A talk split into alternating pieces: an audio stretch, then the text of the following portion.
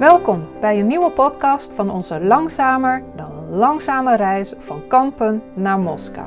Mijn naam is Helene en samen met mijn man Milton maak ik een YouTube reisdocumentaire serie over onze reis langs oude handelsroutes.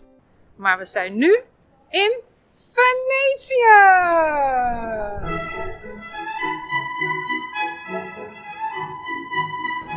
Zo begint onze driedelige serie over Venetië. In totaal zijn we ruim een maand in Venetië geweest om de stad te verkennen en te proeven van het lokale leven. Vanwege COVID-19 kwamen er nog nauwelijks toeristen naar de stad. Alleen in de weekenden was het druk met vooral dagtoeristen uit naburige landen en ook Italië zelf.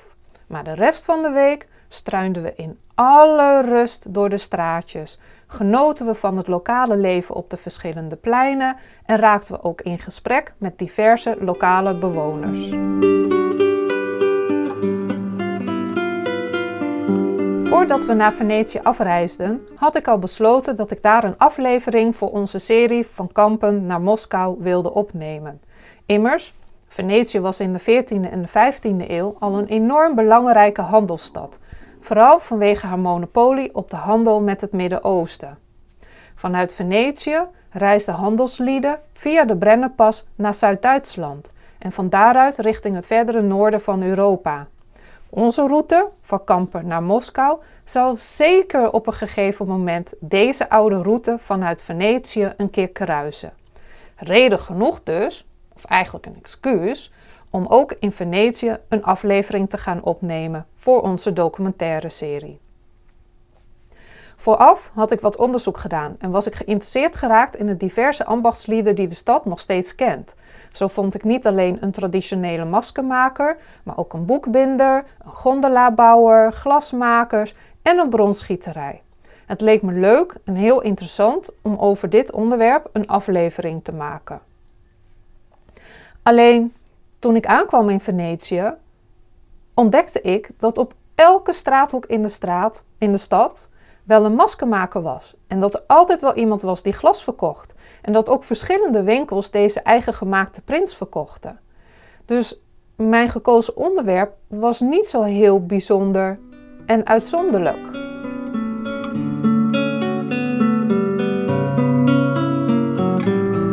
Wist eigenlijk al dat ik me niet wilde gaan focussen op alle mooie villa's of kunstcollecties die de stad kent en waar ze ook bekend om staat.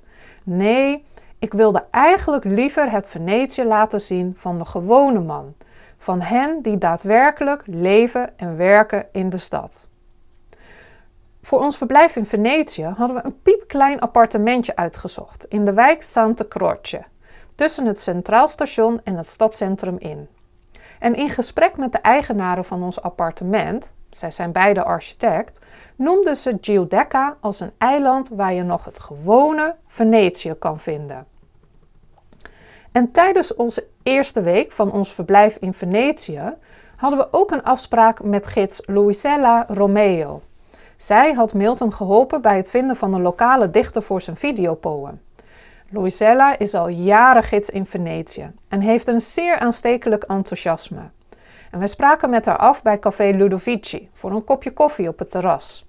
En nadat we haar vertelden dat we het onderwerp van de artisans hadden losgelaten, maar nog niet precies wisten wat de nieuwe focus zou zijn, maar dat we het graag wilden verbinden met het lokale leven, maakte ook zij melding van Giudecca als mogelijke bestemming.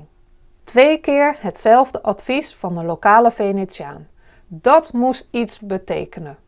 Ik blader nog een keer door mijn Lonely Planet heen, zocht naar blogs over Giudecca en kwam al snel met een heel lijstje van interessante gebouwen en bezienswaardigheden. Tijd voor een verkenningstocht over Giudecca.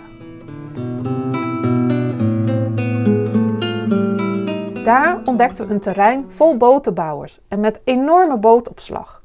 En op dat terrein bevond zich ook Giudecca Art District, die er tentoonstellingen houdt. Ik werd gelijk enthousiast, want ik houd van plaatsen waar het gewone leven en de kunstwereld met elkaar vermengd worden. Beide horen immers tot het dagelijks leven. En tijdens ons interview met Pier Paolo van Giudecca Art District was dat ook precies wat hij zei. So right now we are in the heart of the project. This, because as you can see, we are not inside an exhibition space, but we are inside an artisan space. Uh, what Giudecca Art District is, it's a way to connect our heritage, our tradition, but our uh, living day as Venetian, as people that lives together with contemporary art. We ontdekten ook een moderne wijk tussen allemaal oude woningen.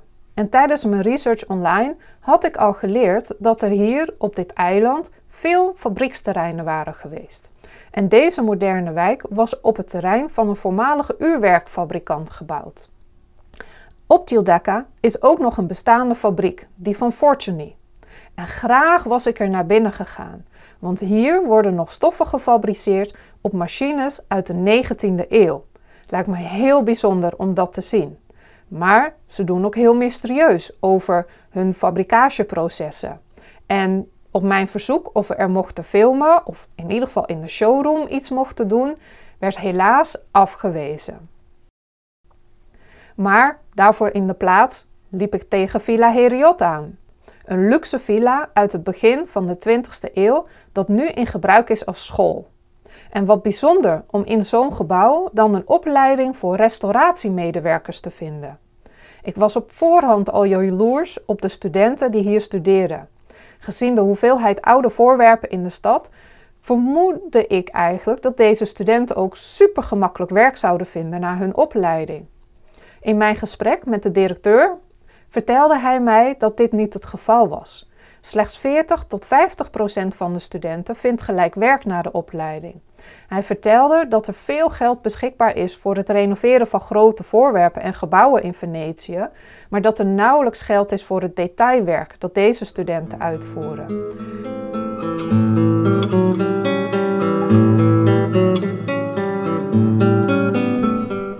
Na deze verkenningstocht over het eiland was het duidelijk. Giudecca was the island to film.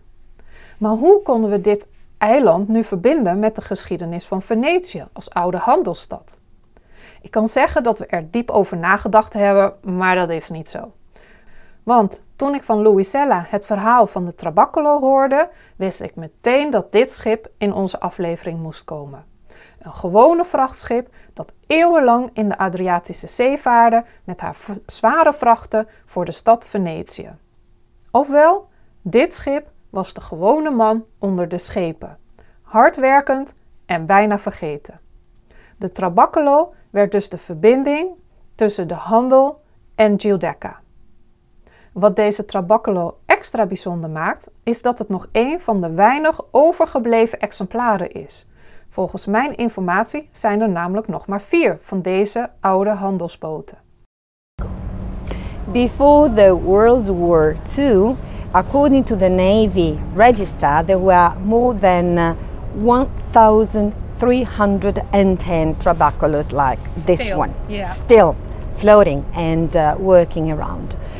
But uh, after the uh, World uh, War II, uh, according to the Italian law, the most uh, of the wooden boats, the ones that were made of wood, had to be destroyed if you wanted to build a new one. In order to keep the number of the wooden boats uh, the same and in order to incentivize let's say the constructions of some new boats made with different more modern materials.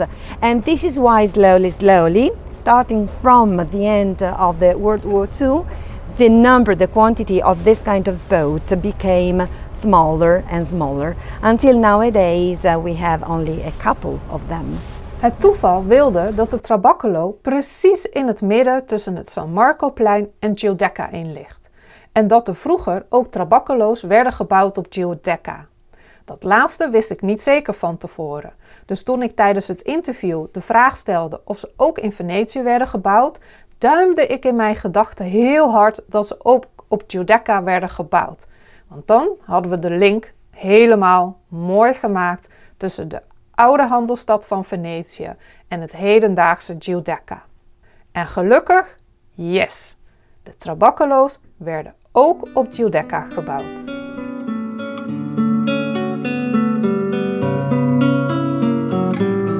Vanwege COVID-19 wilde ik eigenlijk ook iets doen met de plaag. Op Giudecca had ik al de Chiesa del Santissimo Redentore bezocht, ofwel kerk van de Heilige Verlosser. En deze kerk was gebouwd in 1578 als dank voor de snelle beëindiging van de plaag, die duurde van 1975 tot 1577. Wie naar binnen komt bij deze kerk, zal gelijk boven de ingang een grote zwart-wit tekening zien van Paolo Piazza. Deze schilderij toont nog een keer heel expliciet de dankbaarheid van de Venetianen voor het verdwijnen van de plaag uit de stad. En dat was in 1577 dat de plaag verdween. En sinds dat jaar gedenken zij dat moment nog steeds. Elk jaar aan het begin van juli wordt er een groot beton in het water gelegd waar men van Dorsodoro naar hier over het water kan lopen naar de kerk. En dan gedenkt men nog steeds het feit dat men dus de plaag heeft kunnen verdrijven uit de stad. Ik vraag me af wat wij gaan doen als COVID-19 voorbij is. Gaan we dan ook elk jaar stilstaan bij hoe 2020 het dagelijks leven van iedereen op de wereld heeft ontregeld? Legitieme vraag, maar niet geschikt voor onze documentaire serie over handel, geschiedenis en mensen. Tijdens mijn research over Venetië en over de plaag leerde ik ook dat Venetië voorop liep in de bestrijding van de plaag, de pest. En in die tijd trok Venetië al superveel mensen en handelaren van over heel Europa en het Midden-Oosten aan. En men had al snel door dat de komst van de pest, ofwel de plaag, van buitenaf moest komen. En Venetië was dan ook een van de eerste handelsteden die een quarantaine instelde. En het grappige is, is dat het woord quarantaine komt nu zo ja, gemakkelijk uit onze mond eigenlijk rollen. Maar ik had me nooit gerealiseerd dat dit woord afkomstig was uit het Italiaans. Dat werd me heel netjes uitgelegd tijdens ons bezoek aan Lazaretto Nuovo. So actually the people who were suspected to be contagious were kept here for 40 days. And this is why Gerolamo is saying that the word quarantena in Italian, quarantine in English was born here. Because uh, 40 is the Italian for 40, 40 days. Why 40 days? It was a biblical mm. number. 40 days in the desert, like Jesus Christ. So 40 was a big quantity, uh, long enough to be able to, for a person to show the symptoms or not. Ons bezoek aan Lazaretto Nuovo. Het werd de cliffhanger voor onze driedelige serie over Venetië. Ik had voorafgaand aan mijn bezoek aan Venetië al over dit eiland gelezen en ik wist dat er in de zomer rondleidingen werden gegeven. Alleen, we bezochten Venetië in de winter en gedurende COVID-19. Dus ik had me er al bij neergelegd dat het onmogelijk zou zijn om er naartoe te gaan. Maar toen die onbekende man op de Trabaccolo vroeg of we met hem naar Lazaretto Nuovo wilden, maakte mijn hart een sprong. Deze kans wilde ik niet mislopen. Maar ja, onze aflevering ging niet over de plaag. We hadden al besloten dat dat niet zou gebeuren. Maar daar en toen, ter plekke, besloten we dat we een tweede aflevering over Venetië zouden gaan maken. Maar ja, een aflevering volledig in het teken van de plaag, dat is zo deprimerend. En ik proefde dat al veel mensen al wel een beetje klaar waren met COVID-19. Dus we moesten een andere invalshoek bedenken. En toen bedachten we van hé, hey, we kunnen ons bezoek aan Lazaretto Nuovo combineren met een bezoek aan nog een aantal andere eilanden in de lagune. Die wilde ik toch al gaan bezoeken, mede ook voor een artikel op mijn eigen reisblog capelcatravel.com. Zo gedacht, zo hebben we gedaan. Eerst zijn we een middag gaan rondwandelen op San Erasmo. Dat was even wennen, om na twee weken in Venetië te zijn waar geen auto's rijden, om dan op een eiland te komen waar we regelmatig werden gepasseerd door tractoren, scootmobielen. Ja, het was echt wel een beetje een uh, aparte ervaring. Maar het maken van de opnames ging ook niet altijd gemakkelijk. Ik heb zo lopen stoeien met het goed uitspreken van het woord Fort Massimiliana. En Milton bleef zo geduldig. Vandaar dat. Oké. Vandaar dat deze vandaar dat dit fort nog steeds Torre Massiliana heet. Massimiliana. Maximiliana. Nee, niet Maxi. Massimiliana. Vandaar dat dit fort Forte Massimiliana heet. Nog één keer. Just take a deep breath before you start. What do you want? To, to say it right. Massimiliana. Nee. Massimiliana. Massimiliana. Ja. Vandaar dat dit fort nog steeds Torre Massimiliana heet. Nu goed, meneer? Ja. Op een andere dag zijn we naar de eilanden Burano, Masorbo en Torcello gegaan. Burano en Torcello zijn normaal gesproken behoorlijk toeristische eilanden. Burano vanwege haar kant en de gekleurde huizen, Torcello vanwege haar prachtige basiliek. Maar tijdens ons bezoek, winter, COVID-19, waren we nu de enige bezoekers op dit eiland.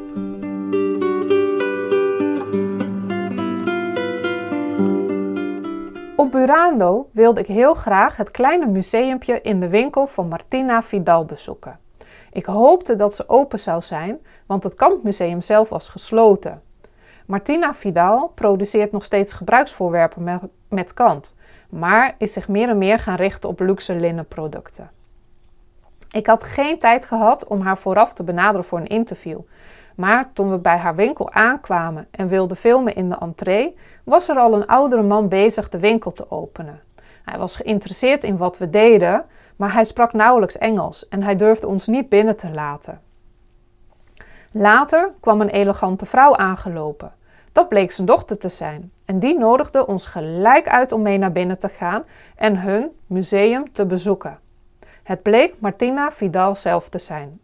Ze nam de tijd om ons uit te leggen hoe het kant in Burano wordt gemaakt en waarin het verschilt met bijvoorbeeld die van België. Zij zelf is al de derde generatie die zich richt op de productie en het maken van producten van kant.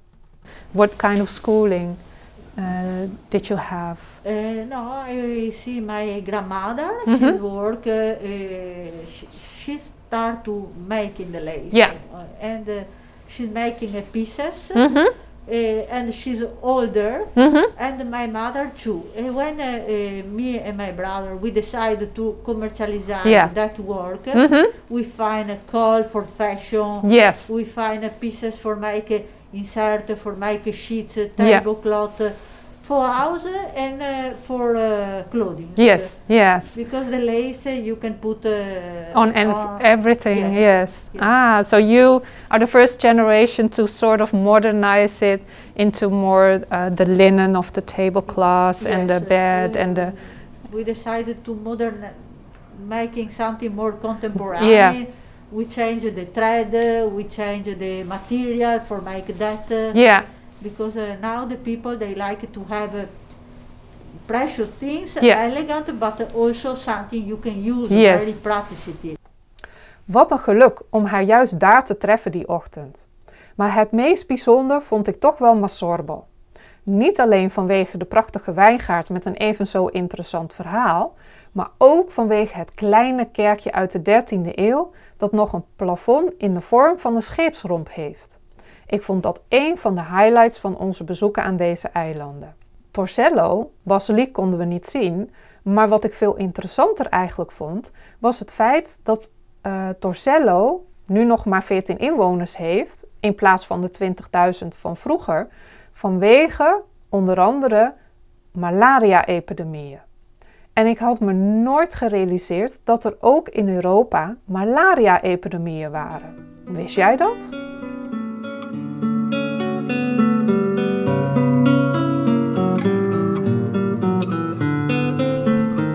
Voor sommige mensen is het misschien een beetje luguber dat we ook voor de aflevering eh, die we maakten over de verschillende eilanden ook naar de begraafplaats op het eiland van San Miguel gingen. Ik zelf vind het ook altijd nog wel een beetje morbide, zou ik zeggen, om te vertellen dat je tijdens je vakantie een begraafplaats gaat bezoeken. Maar ik ben na ons bezoek aan de eerste begraafplaats van Athene toch wel heel erg geïnteresseerd geraakt in kunst op begraafplaatsen. De beeldhouwwerken die je daar aantreft, de monumenten, Maar ook de wijze waarop overledenen worden herdacht is boeiend. Het is eigenlijk ook een culturele ervaring. Zo ontdekte ik bijvoorbeeld dat de Venetianen op elke grafsteen een portretfoto plaatsen van de overledene. Je loopt dus niet langs anonieme grafstenen, maar langs echte mensen. En ik vond het erg mooi en soms ook heel bijzonder om oude portretfoto's van voor de Tweede Wereldoorlog te zien. Pas nadat we de andere eilanden hadden bezocht, bekeek ik de opnames die we hadden gemaakt op Lazaretto Nuovo. Eerlijk gezegd zag ik een beetje op tegen het terugkijken van uh, alles wat we hadden opgenomen, omdat we daar in totaal zo'n drie uur hadden doorgebracht. En er was zoveel informatie gedeeld. En dus bij het terugkijken realiseerde ik me inderdaad dat er zoveel relevant materiaal was dat dit eiland eigenlijk haar eigen aflevering verdiende. Oh no, een derde aflevering. Wat hebben we ons op de hals gehaald? We gingen naar Venetië voor één aflevering en gaan na zes weken weg met genoeg materiaal voor drie.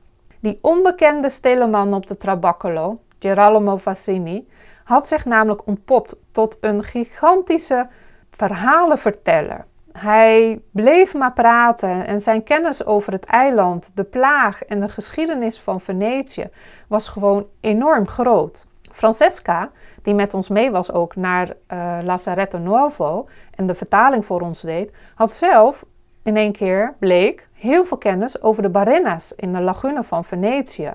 En dat leverde weer een ander interessant onderwerp op tijdens ons bezoek aan Lazaretto Nuovo. Maar hoe interessant ook al die informatie is die ze ons hebben gegeven, het is een beetje saai om daar een hele aflevering mee te vullen.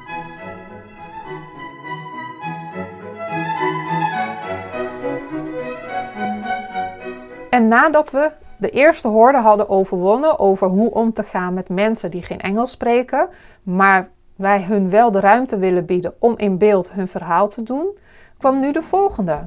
Hoe transformeer je een grote hoeveelheid aan informatie naar een boeiende en dynamische aflevering?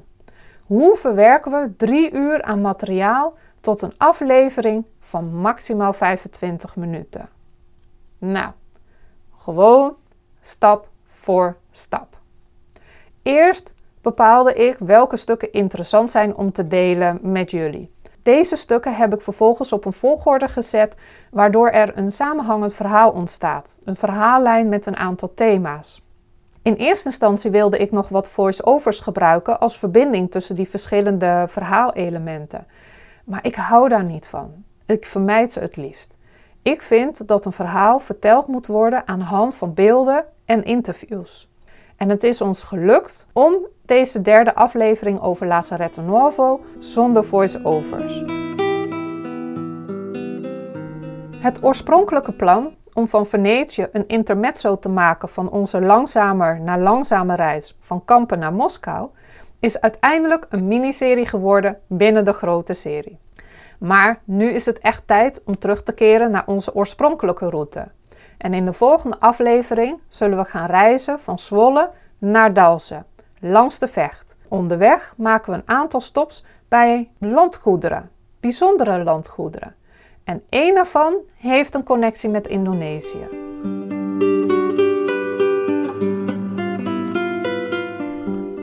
Ben je nu benieuwd naar onze aflevering over Venetië en heb je ze nog niet gezien? Bezoek dan mijn YouTube-kanaal, Helene Westerman. Je vindt hier alle afleveringen die we tot nu toe hebben gemaakt van onze reis van Kampen naar Moskou. Je vindt de link naar mijn kanaal en de afleveringen in de show notes. En op kapelkatravel.com kun je nog een aantal artikelen lezen over het dagelijks leven in Venetië. Dingen die ons zijn opgevallen. Maar ook hoe zit het bijvoorbeeld met het ophalen van de vel? Hoe gebeurt dat? En Vind je het leuk om naast het lezen en het kijken van de afleveringen ook af en toe een verhaal te horen over hoe onze afleveringen tot stand zijn gekomen of uh, geluidsfragmenten te horen die de afleveringen zelf niet hebben gehaald? Abonneer je dan op deze podcast. En wanneer er weer een nieuwe aflevering is afgerond voor YouTube, maak ik weer een samenvattende podcast met een persoonlijke noot over de totstandkoming van de aflevering en met wat geluidsfragmenten die de aflevering zelf niet hebben gehad. Bedankt voor het luisteren en tot de volgende keer.